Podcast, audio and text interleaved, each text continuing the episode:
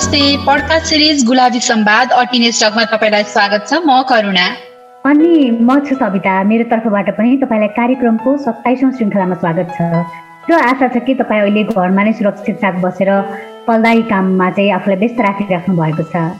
पक्कै पनि र अब यति बेला सविता र म पनि आफ्नो घरबाट नै तपाईँसँग कुराकानी गरिरहेका छौँ र यौन तथा प्रजनन स्वास्थ्य र अधिकारभित्र पर्ने विभिन्न विषयवस्तुका बारेमा सही जानकारी प्रदान गर्ने तथा यस विषयमा स्वस्थ छलफल गर्ने प्रयास पनि हामीले गरिरहेका छौँ। एकदमै। र करुणा तिमीले घरमा नै बसिरहेको कुरा त भनिहाल्यौ होइन? यही विषयलाई जोडेर मलाई चाहिँ आजको हाम्रो कार्यक्रममा नै कुराकानी गर्न मन लाग्यो कि? भन्नाले सविता। भन्नाले करुणा अब हामी अहिले कोभिड महामारी फैलिने डरले चाहिँ सरकारले लागू गरेको निषेधाज्ञा पालना गरेर घरमै बसिरहेका छौँ होइन? यसरी घरमा बस्दा हामी कोभिडबाट त सुरक्षित हुन सक्छौँ र सकिरहेका पनि छौँ सकेसम्म होइन? तर यो समयमा चाहिँ घरभित्रै हुने दुर्व्यवहार अझ प्रष्ट गरी हामीले भन्नुपर्दाखेरि चाहिँ हामीले आफ्नो सोचेको आफ्नो मान्छे नजिकको मान्छे वा आफ्नै परिवारभित्रकै मान्छेले गर्ने दुर्व्यवहारको घटनालाई भने नजरअन्दाज गरिरहेका हुन्छौँ कि होइन त? तिम्रो कुरामा चाहिँ एकदमै अग्री गर्छु सविता। किनकि अब धेरैजनालाई लाग्छ कि घर सबैभन्दा सुरक्षित ठाउँ हो। घरमा हामीलाई कसैले दुर्व्यवहार गर्न सक्दैन गर्दैन। दुर्व्यवहार भनेको चाहिँ नचिनेको वा कहिले नभेटेको नदेखेको मान्छेले मात्रै गर्छ भनेर कि? र हाम्रो यही सोचाइले गर्दा करुणा हामीले घरभित्रै आफ्नैहरूबाट हुने दुर्व्यवहारको बारेमा थाहा पाउँदैनौँ। अझ कतिपय अवस्थामा थाहा पाएर पनि उनीहरूको अगेन्स्टमा चाहिँ कुनै पनि कदम चाल्दैनौँ। जसले गर्दा आफूले विश्वास गरेको आफ्नो ठानेको मान्छेले दुर्व्यवहारका घटनाहरू दोहोऱ्याइरहन्छ दुर्व्यवहार गरि नै रहन्छ। हो नि तर अब हाम्रो भन्नुको मतलब यो होइन कि घरमा सबैलाई अविश्वास गर्नुपर्छ सबैलाई शङ्काको दृष्टिले मात्रै हेर्नुपर्छ भनेर। तर यदि घरमा पनि त्यही परिवारको कोही सदस्यले हामीलाई असहज हुने गतिविधि गरिरहेका छन् हामीलाई माया गर्ने वा केही कुरा सिकाउने बुझाउने बाहनामा हामीलाई असहज हुने गरी छुने वा हेर्ने हाम्रा गोप्य अङ्गहरूमा हात लैजाने वा गलत क्रियाकलाप गर्ने गरेका छन् भने हामी सतर्क हुने र त्यस्ता घटनाको विरुद्धमा चाहिँ तत्काल आवाज उठाउनु चाहिँ एकदमै आवश्यक छ। र हाम्रो कुराकानी सुनिरहँदाखेरि तपाईँलाई अचम्म पनि लागिरह होला यिनीहरूले किन यस्तो कुरा गरिरहेका छन् भनेर। आफ्नो घर त कसरी असुरक्षित हुन सक्छ र भनेर। तर घरभित्रै हुने दुर्व्यवहारको धेरै घटनाहरू प्रहरीकोमा दर्ता हुने गरेको छ। धेरैजनाले आफै आफ्नो घरभित्र असुरक्षित भइरहेको छु भनेर भनिराख्नु पनि भएको हुन्छ होइन? र यस्तो किसिमको वातावरण चाहिँ अहिले यो कोभिडको कारणले गर्दाखेरि अझै धेरै बढी पनि रहेको छ होइन त करुणा?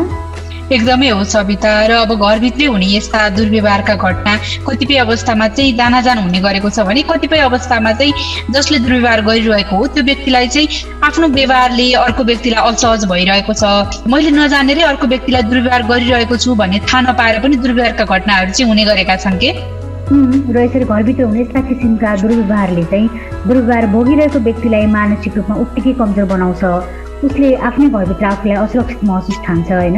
म चाहिँ यहाँ सुरक्षित छैन मेरो घरमा भन्ने महसुस हुन्छ।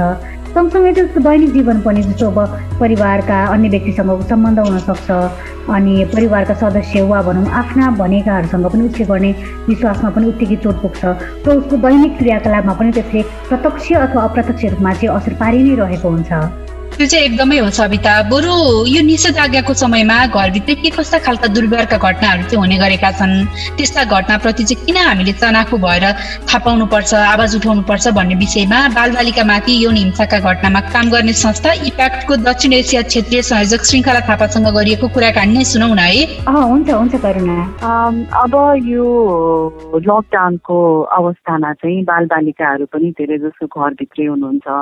अनि त्यसमाथि पनि धेरैजना अनलाइन स्पेसमा बस्नुहुन्छ। त्यसले गर्दा चाहिँ जोखिम बढ्न बढ्ने अवस्था चाहिँ छ। किनभने हाम्रो अनलाइन इन्गेजमेन्ट धेरै भयो नि त। त्यो हुने बित्तिकै कस्तो हुन्छ भने अब अहिले तपाईँहरूले डेटा इन्फर्मेसन हेर्नुभयो भने पनि इन्टरपोलको युरोपोलको इन्फर्मेसनहरू हेर्नुभयो भने पनि ग्लोबल्ली नै त्यो चाहिँ बढेको देखिन्छ।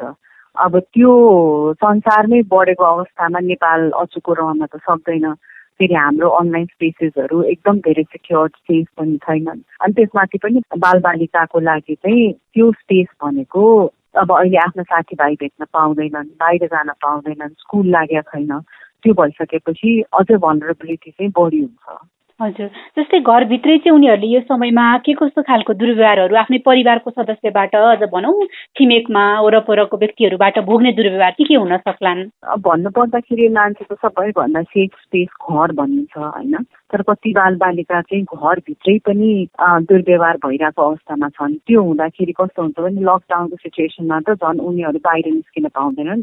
जुन सपोर्ट उनीहरूलाई चाहिन्छ त्यो पाउन नसक्ने अवस्था भएको भएर अझै क्रिटिकल हुन्छ भनौँ न इन वे किनभने जो पीडक हुन्छ उसलाई त त्यो घरभित्र बस्ने भइसकेपछि त घर परिवारबाटै छ भनेको अवस्थाको कुरा गरेको मैले। त्यो भने चाहिँ पीडकलाई झन् सजिलो हुने भयो नि अब्युज गर्नलाई एक्सप्लोइट गर्नलाई। त्यही भएर त्यो अब अहिले लकडाउनको सिचुएसनमा चाहिँ त्यस्तो अवस्थामा भएका बालबालिकाको लागि चाहिँ जोखिम एकदम धेरै छ। अब सर्भिसेसहरू छन् अब दस नौ आठ छ। होइन अब गभर्मेन्टको सर्भिसेसहरू छ तर अब लकडाउनको सिचुएसनमा जसरी नर्मल सिचुएसनमा एकदम एफिसियन्टली भन्ने बित्तिकै सर्भिसेसहरू अभाइलेबल हुन्थ्यो भने अहिले अलिकति टाइम लाग्न सक्छ होइन? हुँदै नभएको अवस्था त छैन सर्भिसेसहरू तैपनि नर्मल सिचुएसनभन्दा अझै च्यालेन्जिङ भएको भएर चाहिँ अहिलेको सिचुएसनले गर्दा चाहिँ अलिक भनरेबिलिटी चाहिँ हाई नै छ भन्नु पर्ला हजुर जस्तै अब यो उनीहरूले भोग्ने यस्ता खालका दुर्व्यवहारहरूले चाहिँ बालबालिका तथा किशोर किशोरीको मनोविज्ञानमा चाहिँ कस्तो खालको असर पुग्छ? उनीहरूलाई चाहिँ उनीहरूको मेन्टल हेल्थमा यसले चाहिँ कस्तो इम्प्याक्ट पार्ला? अब जस्तो बालबालिकाको हकमा कुरा गर्दाखेरि त मेन्टल इम्प्याक्टको कुरा गर्दाखेरि त जो अब्युज भएका बालबालिका हुन्छन् जो दुर्व्यवहारमा परेका बालबालिका हुन्छन् उनीहरूलाई चाहिँ अब सानोदेखि उनीहरूको अडल्ट लाइफसम्म त्यसले इम्प्याक्ट गर्छ भन्ने रिसर्चहरूले देखाउँछ होइन? अनि फेरि त्यसमाथि पनि हाम्रो सोसियल स्ट्रक्चर जस्तो छ हाम्रो समाज जस्तो छ त्यो समाजमा चाहिँ समाजले के भन्ला भनेर कुरा लुकाउने चलन छ। अनि त्यो भइसकेपछि कस्तो हुन्छ भने उनीहरू ओपन भएर बाहिर आउन सक्दैनन्। अनि त्यो अब्युज एकदम क्रिटिकल एकदम भनौँ न एउटा स्टेजमा एक्सन लिनुपर्ने स्टेजमा पुगिसकेपछि बल्ल बाहिर आउने अवस्थाहरू धेरै भएको भएर हाम्रो जस्तो सामाजिक स्ट्रक्चर भएको ठाउँमा चाहिँ अझै च्यालेन्जिङ छ कि। हजुर। जस्तै अब यस्तो यस्तो केसमा चाहिँ कसरी अब बालबालिकालाई आफ्नो उनीहरूको अभिभावकले चाहिँ कोप गर्न सक्छन् र बालबालिकाले पनि आफू दुर्व्यवहारमा परिरहेको छु मलाई घरको सदस्यले अथवा फलानु व्यक्तिले चाहिँ मलाई दुर्व्यवहार गरिराखेको छ भन्ने कुरा चाहिँ उनीहरूले किन र कसरी भन्न सक्लान् र त्यसमा चाहिँ प्यारेन्ट्सको रोल चाहिँ के हुन सक्ला? अब बालबालिकाको हकमा कुरा गर्दा अघि अघिल्लो प्रश्नको कुरालाई नै जोडेँ मैले किनभने जस्तो उनीहरूलाई साइकोसोसियल इम्प्याक्ट पर्ने मेन्टल इम्प्याक्ट पर्ने छँदैछ होइन?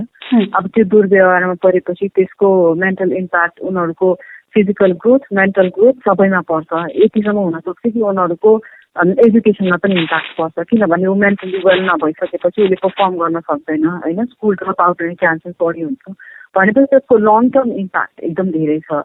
अनि त्यसमाथि पनि अब मैले अघि नै भनेको जस्तो जस्तो हाम्रो सोसियल स्ट्रक्चर पनि एकदम क्लोज भन्नाले ओपन नभइहाल्ने भनि नहाल्ने बेजत होला समाजले के भन्ला भन्ने अवस्था छ।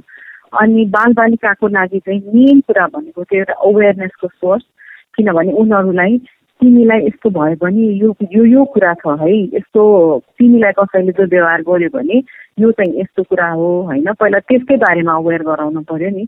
अनि त्यसपछि यदि यो भइहाल्यो भने तिमीले चाहिँ यसो यसो गर्न सक्छौ है भन्ने खालको इन्फर्मेसन जस्तो उसले सर्भिस टिक गर्न सक्ने कपेसिटी एउटा होइन?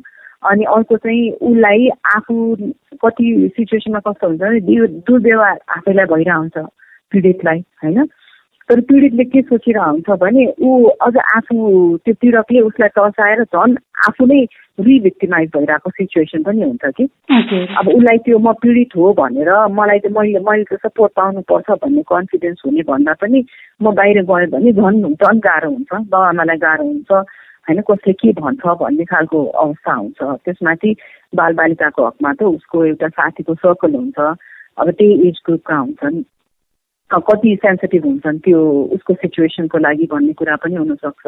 अनि बुवा आमाको जिम्मेवारी एउटा भनेको चाहिँ बालबालिकालाई अलिकति नजर चाहिँ राख्नुपर्छ उसको बिहेभियर चेन्ज पार्छ कि होइन पहिला अलिकति पढ्नमा धेरै फोकस गर्ने मान्छे पढ्न छोडेको छ कि एक्लै बस्न थालेको छ कि कुनै एउटा इन्डिभिजुअल मान्छेलाई देखेर ऊ तर्सिन थालेको छ कि हुन्छ नि? कोही अब हुनसक्छ नि साथीभाइ छर छिमेक घरमा आइराख्ने जो पनि हुनसक्छ उसको नजिकको कन्ट्याक्टको मान्छे अथवा तिमी उसलाई स्कुलमै पनि त्यस्तो सिचुएसन छ भने स्कुलै जाऊ भन्दाखेरि पनि तर्सिने म स्कुल जान्न म मलाई स्कुल जान मन लाग्दैन भन्ने खालको सिचुएसनहरू त्यस्तो कुनै पनि साइन्सहरू भनौँ न अब्युजको साइन्सहरू देखियो भने चाहिँ बुवा मुवाले चाहिँ अब सकिन्छ भने आफै कुरा गर्ने बालबालिकासँग।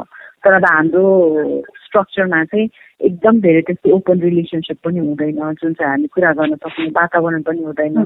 त्यस्तो भयो भने चाहिँ अन्त अरू कोही हुनुहुन्छ को जसले चाहिँ बालबालिकासँग कुरा गरेर त्यो कुराहरू चाहिँ सेयर गर्न सक्ने वातावरण बनाउन सक्नुहुन्छ भने त्यस्ता इन्डिभिजुअलहरूसँग कनेक्ट गर्ने उहाँहरूलाई त्यो सर्भिससम्म पुऱ्याइदिने काम चाहिँ गर्न सक्छ समयमा कस्ता दुर्व्यवहारको जोखिम बढी हुन्छ। त्यस्ता घटनाले बालबालिका तथा किशोर किशोरीलाई के कस्तो मानसिक असर पुर्याउने गरेको छ भनेर जानकारी गराउनु भएकोमा बालबालिकामाथि यौन हिंसाका घटनामा काम गर्ने अन्तर्राष्ट्रिय संस्था इकप्याकको दक्षिण एसिया क्षेत्रीय संयोजक श्रृङ्खला थापालाई धेरै धेरै धन्यवाद।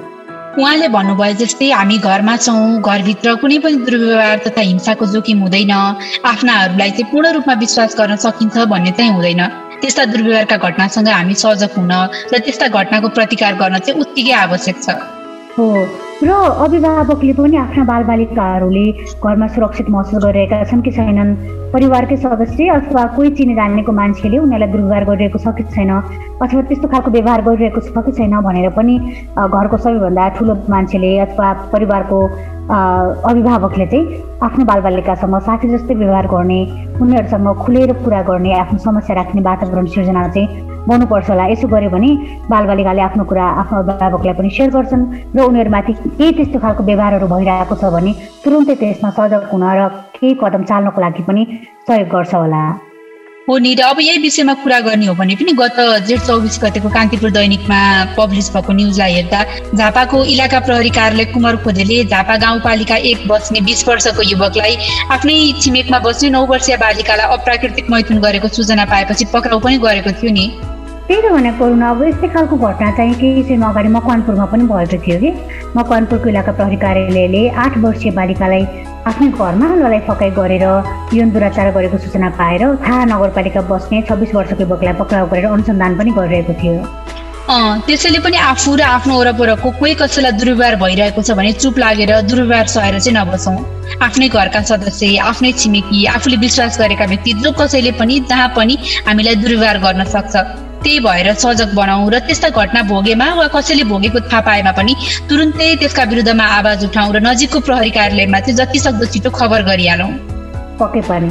र तपाईँलाई दुर्व्यवहारको बारेमा अझै धेरै बुझ्न मन लागेको छ अझै धेरै थाहा पाउन मन लागेको छ भने चाहिँ हामीले हाम्रो पडकास्ट सिरिज गुलाबी सम्वाद अटिनिस्टको आठ भागदेखि चौध भागसम्म यौन दुर्व्यवहारका विभिन्न पक्ष बारेमा विस्तृतमा कुराकानी गरेका छौँ। त्यो पनि सुन्नु होला भन्दै आजको लागि भने हाम्रो कार्यक्रम गुलाबी सम्वाद अटिनेस्टको सत्ताइसौँ श्रृङ्खलाबाट विदा माग्ने बेला भइसकेको छ। निषेधाज्ञाको समयमा घरभित्रै वा चिने जानेकै मान्छेबाट हुने दुर्व्यवहार र त्यस्ता दुर्व्यवहारले पार्ने मानसिक असरको बारेमा आज हामीले कार्यक्रममा गरेको छलफल तपाईँलाई कस्तो लाग्यो आफूलाई लागेको कुरा हामीलाई हाम्रो इमेल ठेगाना Gulabi Samvad at gmail dot com G U L A B I S M B A D Gulabi Samvad at gmail dot com मार्फत हामीलाई मेल पठाउन सक्नुहुनेछ।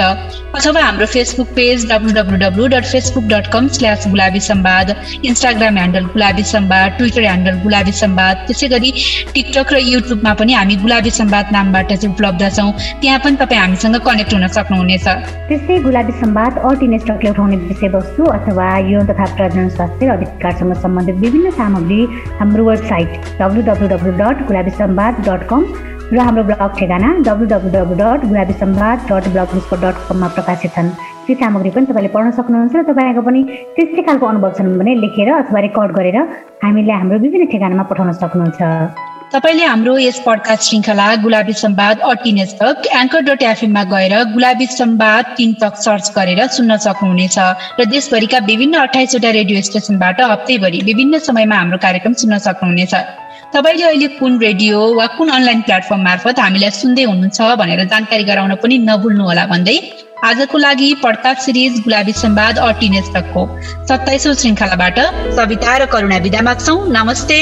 अर्को श्रृङ्खलामा पुनः भेट्नेछौँ।